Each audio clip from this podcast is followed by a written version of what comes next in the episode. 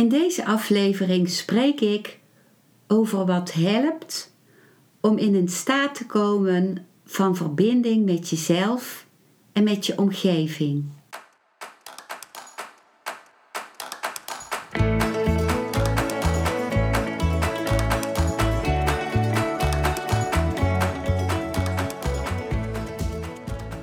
Welkom bij een nieuwe aflevering van Modita's podcast Van Pijn naar Zijn. De podcast waarin ik je meeneem voorbij de pijn in je leven naar wie je diep van binnen bent. Hoe kun je beter omgaan met je gevoelens? Hoe vind je rust in je hoofd? Wat zit er precies achter je pijn? En vooral, hoe kun je steeds meer jezelf zijn? Adem eens diep in en uit. Ik wens je veel luisterplezier.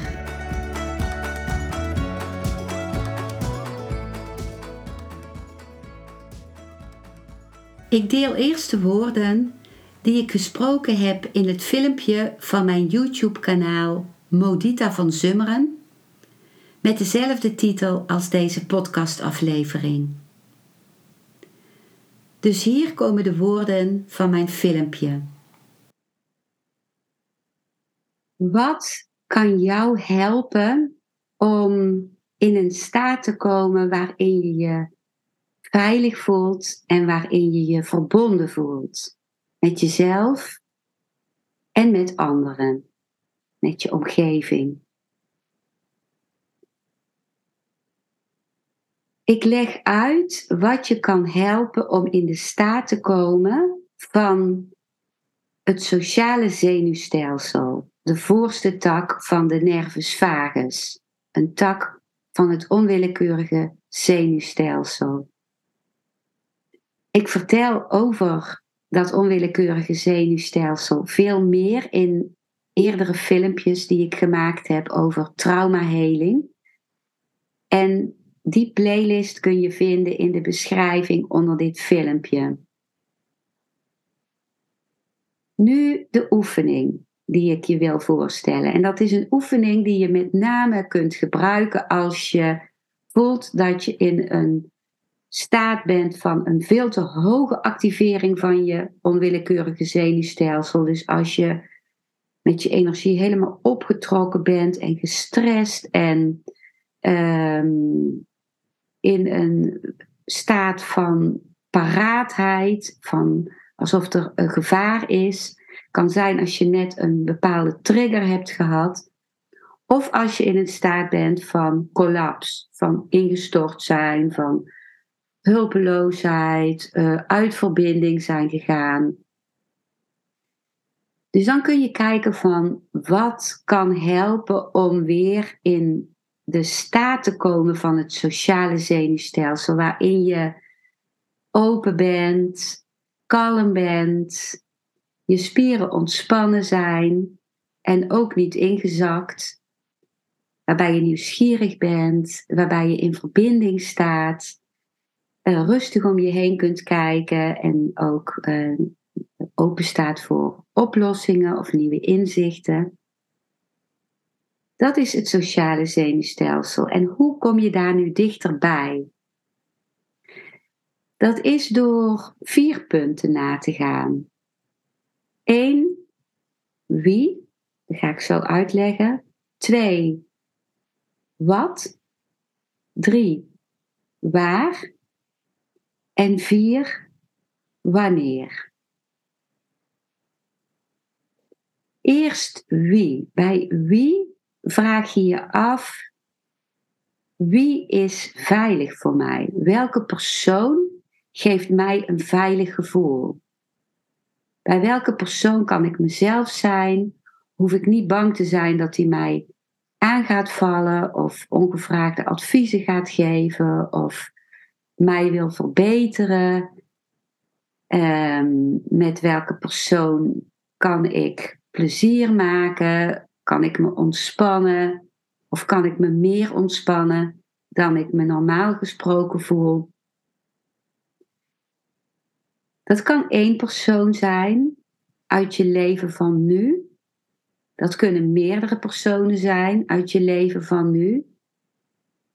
Maar het kan ook zijn dat je in je leven van nu niet één persoon hebt bij wie je je veilig voelt. Vaak is dat zo als je al heel vroeg in je leven trauma hebt meegemaakt of uh, verwaarloosd bent of emotioneel verwaarloosd of te maken hebt gehad met uh, continu pestgedrag of agressie van opvoeders of leraren of andere mensen in je omgeving. En dan kan het ook zo zijn dat je een persoon neemt, bijvoorbeeld, ofwel die je gekend hebt, misschien een grootouder bij wie je je veilig voelt en die niet meer leeft. Of je kunt een persoon nemen uit een boek dat je gelezen hebt, of een, uh, een spirituele leraar die je, of meester die je misschien nooit live hebt ontmoet, maar waar, waarover, waarvan je gelezen hebt of die je gehoord hebt. Het kan ook een fantasiepersoon zijn. Je ziet ook dat uh, kinderen dat soms doen. Dat ze, met name ook als ze zich heel alleen voelen, dat ze een fantasievriendje of vriendinnetje hebben. Dus je kunt je ook voorstellen, wie zou de ideale man of vrouw zijn bij wie ik me veilig zou voelen? En die kun je ook visualiseren. Het kan ook iemand zijn die je ooit op de televisie hebt gezien of die je maar heel kort hebt ontmoet. Misschien zelfs alleen maar met een blik. Toen je in het ziekenhuis lag, bijvoorbeeld, een verpleegster die begrepen naar je keek. Of toen je op straat liep en iemand je ineens naar je glimlachte. Of um, een dokter of een therapeut die echt naar je luisterde. Dus het is kostbaar om na te gaan wie is deze persoon voor jou? Of wie zijn deze personen bij jou? En als je die, als je je die voorstelt, als je je voorstelt dat die bij je zijn, en je kunt ook zelf kiezen op welke afstand die bij je zijn, of dat je ze alleen maar voor wil stellen. Wat gebeurt er dan in jouw systeem? Kom je dan iets dichterbij de relaxte staat in jezelf, de meer relaxte staat. De staat die jou een gevoel van veiligheid geeft en van verbinding geeft. Dus dat was de eerste W, die van, de, van wie. Dan de tweede W, wat?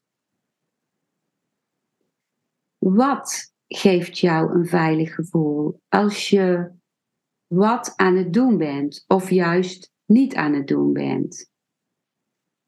Dus dat kan zijn dat je ontspannen op de bank zit, of dat je in de natuur loopt, of dat je bij mij is het bijvoorbeeld als ik een filmpje maak, zoals nu, uh, omdat ik me dan in verbinding voel met jou, met de mensen die kijken. En omdat ik me tegelijkertijd verbonden voel met mijzelf, met waardes in mijzelf. En omdat ik ook dan een rust ervaar door hier te zitten en alleen dit te doen en contact te maken met wat ik over wil brengen, terwijl ik met dat ik het overbreng ook in verbinding ben met mijzelf, wat er op dit moment uit mijzelf komt. En dat in verbinding met jou. Wat is voor mij nog meer een wat, wat me in een staat van verbinding brengt? dat is ook dansen. Dansen op muziek die ik fijn vind. Bijvoorbeeld dansen op mijn balkon met de muziek die ik fijn vind en dan in verbinding met de bomen en de planten om mij heen. Dat is ook iets wat mij dichter bij mijn sociale zenuwstelsel, bij de staat van verbinding, uh, kalmte en veiligheid brengt. De veiligheid zit hem ook dan in, de, in het in verbinding staan met mijn expressie. Dus dat is de W van wat. Wat zorgt dat jij meer veiligheid en verbinding ervaart. Dus dat kan kostbaar zijn om dat na te gaan in je leven. Zodat je als je het nodig hebt, als je jezelf weer wil uitnodigen om in die staat te komen, je ankers hebt om daarbij te komen. Dus één anker is wie, welke personen helpen je om te ankeren in die staat van veiligheid en verbinding en welke acties of in het geval van op de bank zitten, juist niet actie. Niets doen. Kan daar ook heel goed voor werken bij heel veel mensen. Inclusief bij mezelf. Er is soms iets voor nodig voor mij om dan ook te gaan zitten, om niets te gaan doen. Bijvoorbeeld ook te gaan zitten voor meditatie. Ook meditatie, oefeningen ankeren mij in die staat van het sociale zenuwstelsel. Dus ook dat kun je dan terughalen. En misschien dat je merkt dat als je daar al aan denkt, aan dat wie of aan dat wat, dat je al in een staat van meer rust komt. Want je, je roept dat op wat je al kent uit die staat van zijn in jouw zenuwstelsel. En als je dat oproept, dan uh, verbind je dat ook direct met andere herinneringen en sensaties die daarbij horen. Dus dat was wie en wat. En dan komen we bij wanneer. Wanneer in jouw leven was jij in een staat van verbinding? Voelde je je veilig? kalm, open, dat niks hoefde, dat je moeiteloos in verbinding met anderen kon gaan en ook weer uit de verbinding kon gaan. Wanneer was dat? Ik heb in een eerder filmpje al van mezelf gezegd dat dat bijvoorbeeld was een moment dat ik een individuele familieopstelling gaf bij mij thuis en dat ik in deze rode stoel zat en dat ik mijn uh, cliënt zag die bezig was de verschillende posities in te nemen van de opstelling. De zon scheen. Ik was in verbinding met mijzelf op de stoel in een hele ontspannen staat en toch nieuwsgierig, open, in een staat van er hoeft niks. En ik ben open voor alles wat ik zich zie ontvouwen. Ik ben in verbinding met deze man. Ik ben in verbinding met de kleuren in mijn kamer, in de, met de ruimte.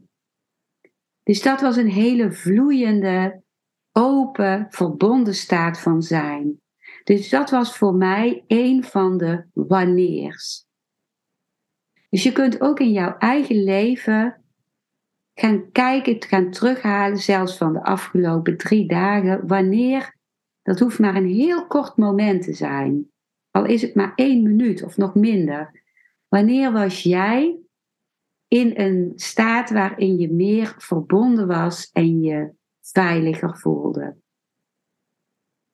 En dan is het kostbaar om alle andere momenten te vergeten. Want wij zijn ook vaak geneigd om, als we zo'n moment vinden, om dan tegen onszelf te gaan zeggen van, oh maar dat was maar een heel kort moment. En de grootste tijd, de grootste deel van de tijd ben ik heel gespannen of juist ingezakt of ingestort.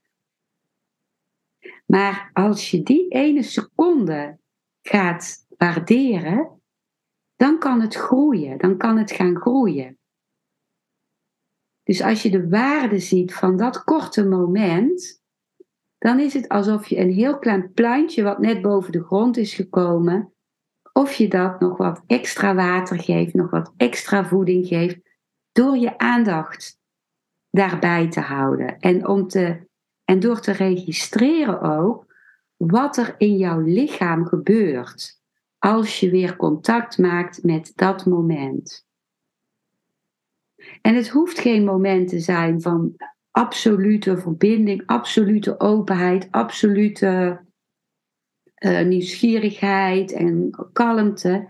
Het kan ook een moment zijn wat daar nou net iets dichterbij kwam. Want anders ga je je weer forceren. Je kunt soms niet in een staat van een hele hoge spanning of van een hele grote onderspanning komen naar die staat van die veiligheid en die verbinding. Dus dat was wie,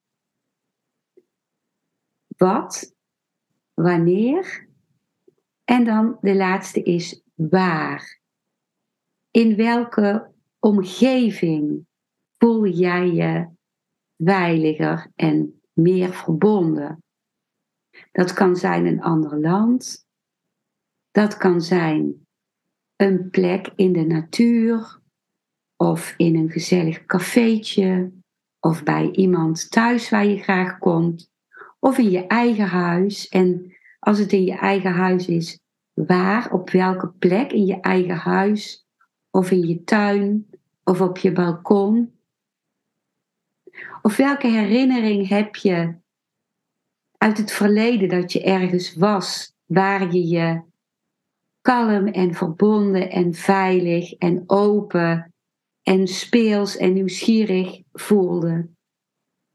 Voor mij is dat bijvoorbeeld in het verleden als ik in het Osho Internationale Meditatiecentrum in Pune in India, ochtends na de Osho Dynamische Meditatie aan de rand van het zwembad zat. Dat was een, is een heel mooi grillig gevormd zwembad met een kop chai. En als ik naar de bomen achter het zwembad keek, waar de zonnestralen helemaal doorheen kwamen en ik squirrels, kleine beestjes over de takken zag lopen en de vogels overal hoorde fluiten. En ik was al in die staat van rust na de dynamische meditatie. Omdat je daarin zoveel kunt ontladen, geeft dat daarna een enorme rust en vredigheid. Dat kun je ook ervaren in de meditatiedagen die ik eens per maand behalve in de zomervakantie, geef. Dus dat was voor mij een plek van waar. Ik heb meer plekken, ook de Genneperparken in Eindhoven.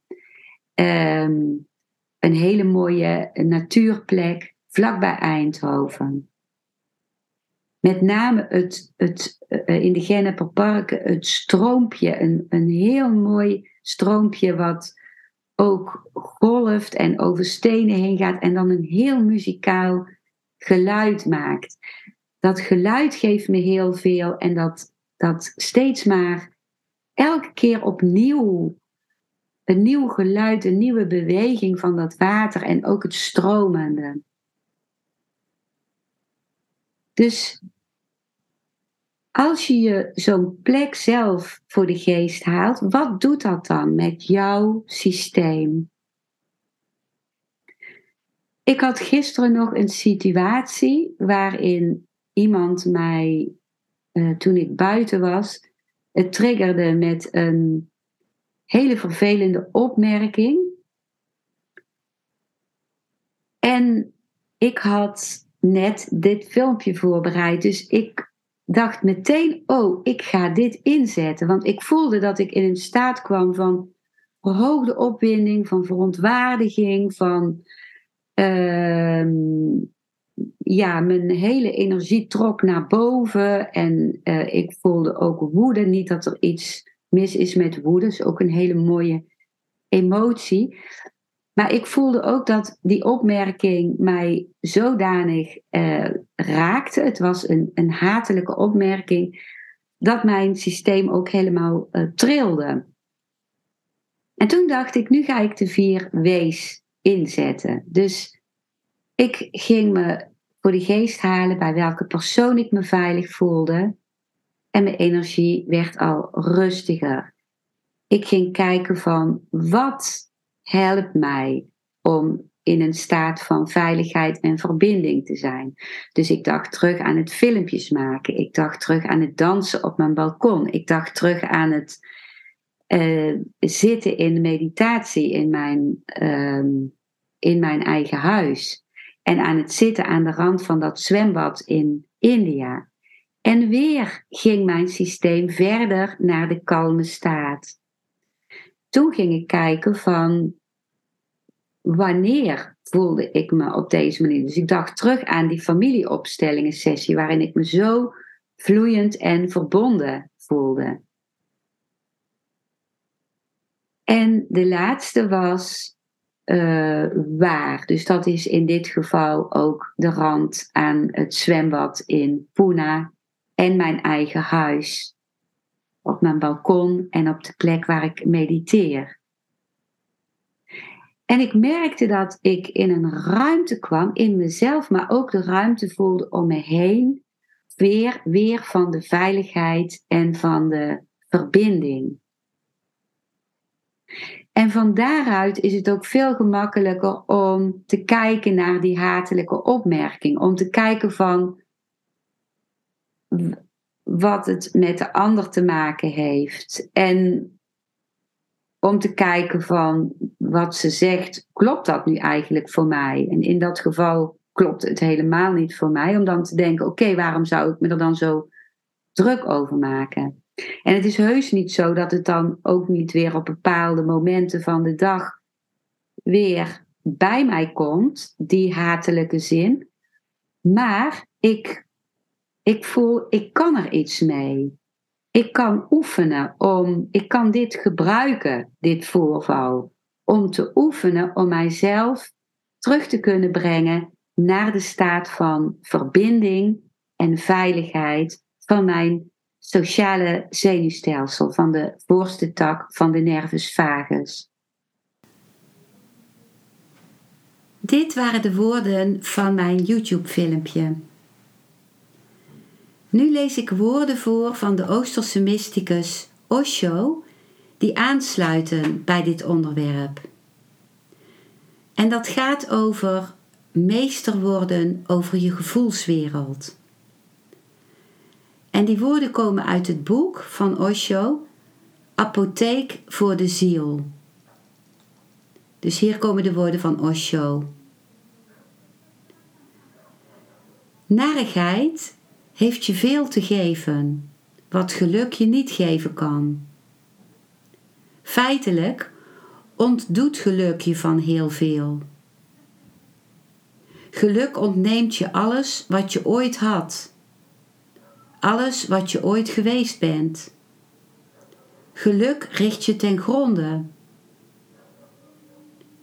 Ellende voedt je ego.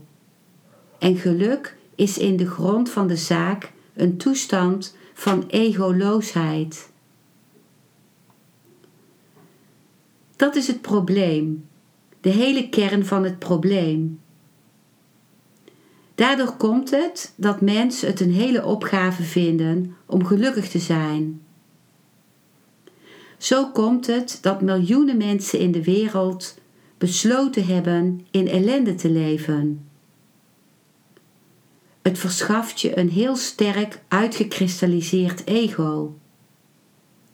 Ellendig, dat ben je. Gelukkig, dat ben je niet.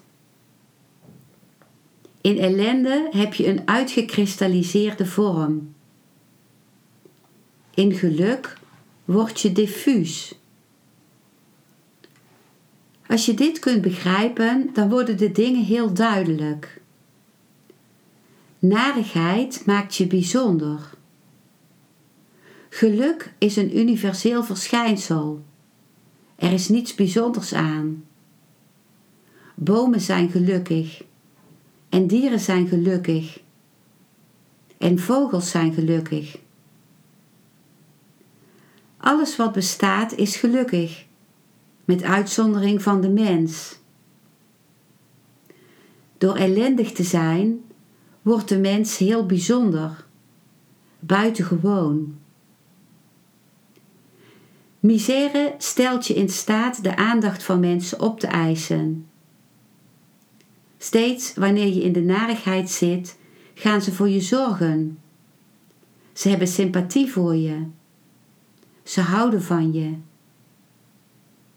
Iedereen gaat je met zorg omringen. Want wie wil er nu een ellendig mens kwetsen? Wie is er jaloers op een ellendig mens? Wie wil er nu een miserabel mens tegenwerken? Dat zou toch te laaghartig zijn. Voor de mens die in ellende verkeert, wordt gezorgd. Men houdt van hem. Hij krijgt aandacht. In ellende wordt flink belegd. Als de vrouw zich niet ellendig voelt, raakt ze bij haar echtgenoot eenvoudigweg in het vergeetboekje.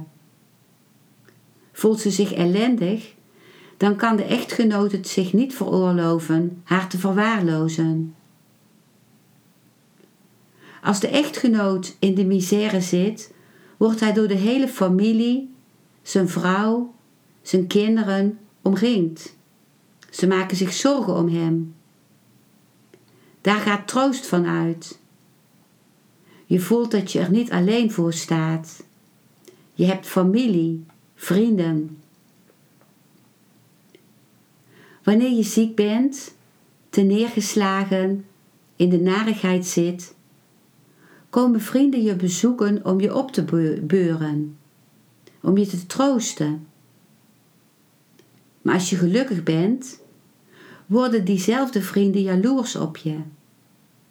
En wanneer je waarachtig gelukkig bent, dan merk je dat de hele wereld zich tegen je gekeerd heeft. Niemand mag een gelukkig mens zijn, omdat de gelukkige mens de ego's van anderen kwetst. Anderen gaan voelen. Dus jij krijgt het klaar gelukkig te worden. En wij kruipen nog in duisternis, ellende en hel rond. Hoe heb je het lef om gelukkig te zijn als wij allemaal in zulke misère rondkruipen? En natuurlijk, de wereld hangt van zielige mensen aan elkaar en niemand is dapper genoeg om de hele wereld tegen zich in het harnas te jagen. Het is te gevaarlijk, te riskant. Beter is het om aan de misère vast te houden. Het zorgt dat je bij de meute blijft horen. Als je gelukkig bent, dan ben je een eenling. Miserabel dan ben je een deel van de massa. Hindoe, moslim, christen, Indiër, Arabier, Japanner. Gelukkig? Weet je wat geluk is? Is het hindoeïstisch, christelijk, islamitisch? Geluk is simpelweg geluk. Je wordt naar een andere wereld overgebracht. Je bent niet langer onderdeel van de door het menselijk verstand geschapen wereld. Je bent niet langer deel van het verleden, van die vermaledijde geschiedenis. Je bent helemaal niet langer aan tijd onderhevig. Wanneer je echt gelukkig bent, gelukzalig, vervliegen tijd en ruimte. Albert Einstein heeft gezegd dat wetenschappers in het verleden over het algemeen de mening waren toegedaan dat er twee werkelijkheden waren: ruimte en tijd. Hij zei echter dat deze twee realiteiten niet twee zijn. Het zijn twee gezichten van één en dezelfde realiteit. Vandaar dat hij het nieuwe woord ruimte-tijd maakte. Eén enkel woord. Tijd is niets anders dan de vierde dimensie van ruimte. Einstein was geen mysticus, want anders zou hij ook de derde realiteit hebben ingevoerd: het transcendente. Nog ruimte, nog tijd. Dat is er eveneens. Ik noem dat de waarnemer. En zijn deze drie er eenmaal, dan heb je de drie-eenheid compleet. Daarmee heb je het hele begrip van Trimurti, de drie aangezichten van God. Dan heb je alle vier dimensies. De werkelijkheid is vierdimensionaal. Drie ruimtedimensies en tijd als vierde dimensie. Maar er is nog iets anders.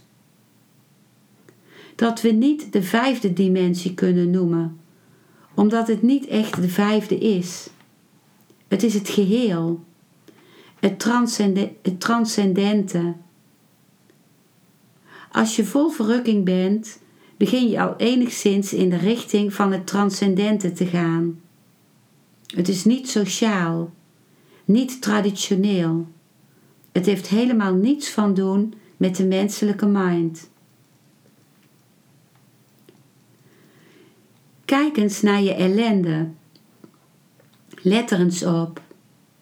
Dan ben je in staat uit te vinden waar de oorzaken liggen.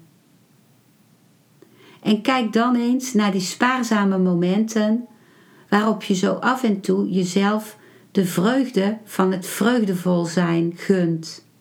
En zie dan eens hoeveel verschil dat maakt. Ik bedoel zoiets als dit. Wanneer je ongelukkig bent, ben je een conformist. Dat is scoren op de molen van de samenleving. De mensen hebben achting voor je. Je staat geweldig in aanzien. Je kunt zelfs een heilige worden. Vandaar dat jullie heiligen allemaal armzalig zijn. De ellende staat met grote letters op hun gezicht geschreven en is in hun ogen te lezen. Armzalig als ze zijn, zijn ze tegen alle vreugde. Ze bestempelen alle vreugde als hedonisme. Ze veroordelen iedere gelegenheid tot vreugde als zonde. Ze zijn ongelukkig en ze zouden wel de hele wereld ongelukkig willen zien.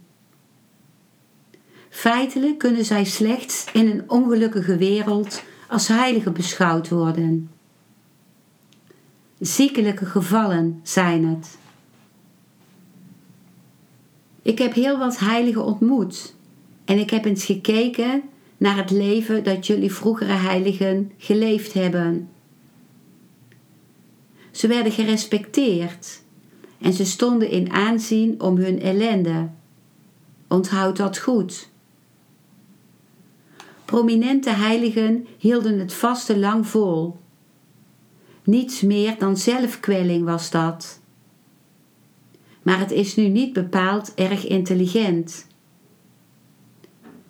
Het is voor enkele dagen, de eerste week, moeilijk. De tweede week is het heel gemakkelijk. De derde week wordt het zelfs moeilijk om te eten. De vierde week denk je er al niet meer aan. Het lichaam geniet ervan zichzelf op te eten. En nu voelt het zonder verteringsproblemen klaarblijkelijk minder zwaar aan. En alle energie die voortdurend bij de vertering wordt gebruikt, komt nu ter beschikking van de hersenen. Je kunt beter denken. Je kunt je meer concentreren. Je kunt het lichaam en zijn behoeften vergeten. Maar deze dingen zorgden ervoor dat de mensen ongelukkig werden en het bracht een armzalige samenleving voort. Neem je misère eens in ogenschouw.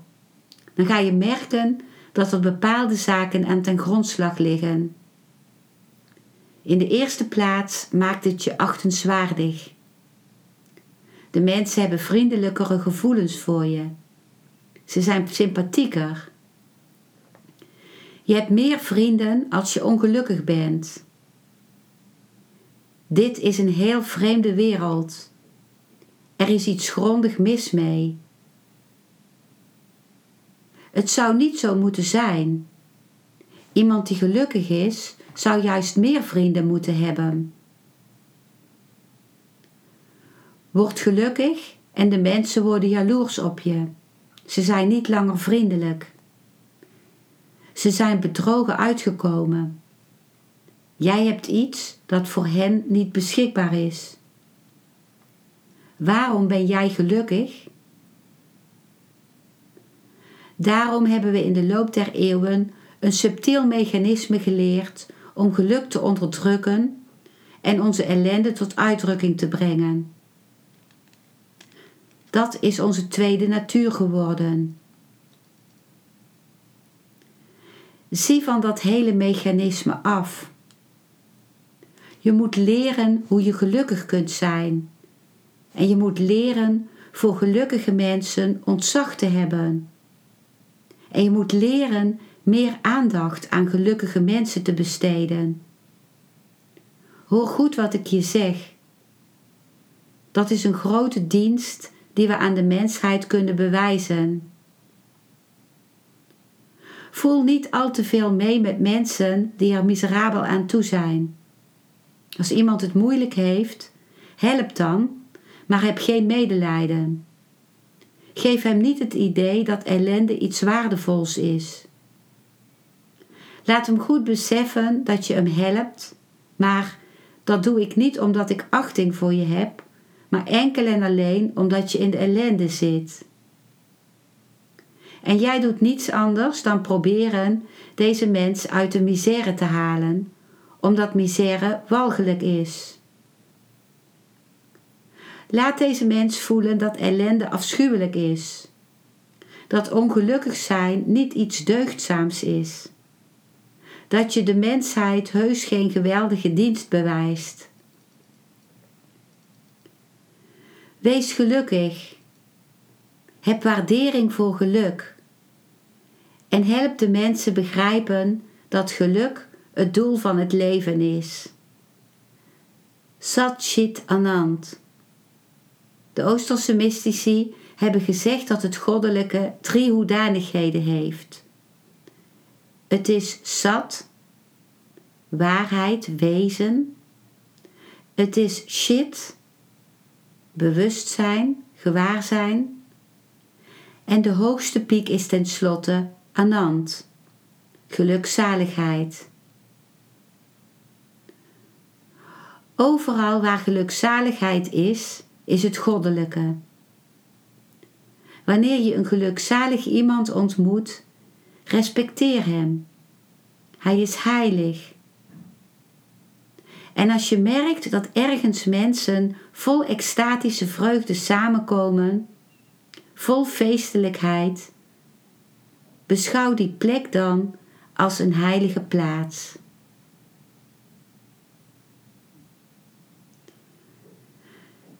Met deze woorden van Osho wil ik deze aflevering beëindigen. Dankjewel voor het luisteren naar deze aflevering. Ik hoop dat hij je een nieuw inzicht of perspectief heeft gegeven. Ik hou van interactie, dus als je iets wilt delen, stuur me dan een mailtje op info@genietenvanmeditatie.nl. Ik geef je dan altijd antwoord. Ik wens jou dat je vreugde in het dagelijks leven zult ervaren en innerlijke rust. En dat je steeds meer je pijn zult kunnen omvormen in zijn. Je kunt de afleveringen van deze podcast volgen via Spotify, Google Podcast, Apple Podcast en Podbean door op de volg- of abonneerknop te klikken. Als je luistert via de Apple Podcast, dat kan alleen als je een iPhone hebt, heb je een extra voordeel. Omdat als je op de knop abonneren klikt, je steeds een berichtje op je mobiele telefoon ontvangt als er weer een volgende aflevering van mijn podcast verschijnt. Je bent van harte welkom bij die volgende aflevering.